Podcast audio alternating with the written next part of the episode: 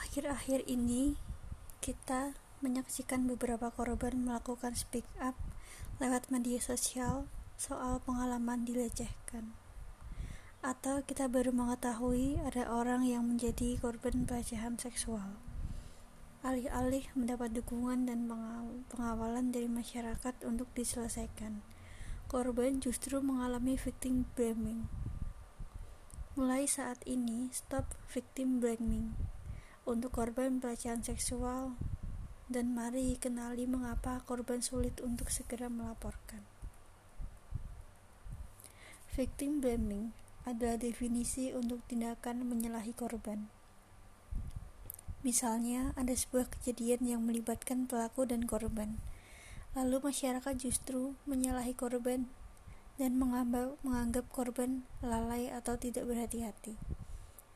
Padahal siapa yang akan tahu bahwa peristiwa itu akan terjadi kecuali kontrol dari pelaku sendiri. Respon semacam ini seperti sudah mengakar dalam tindak laku manusia.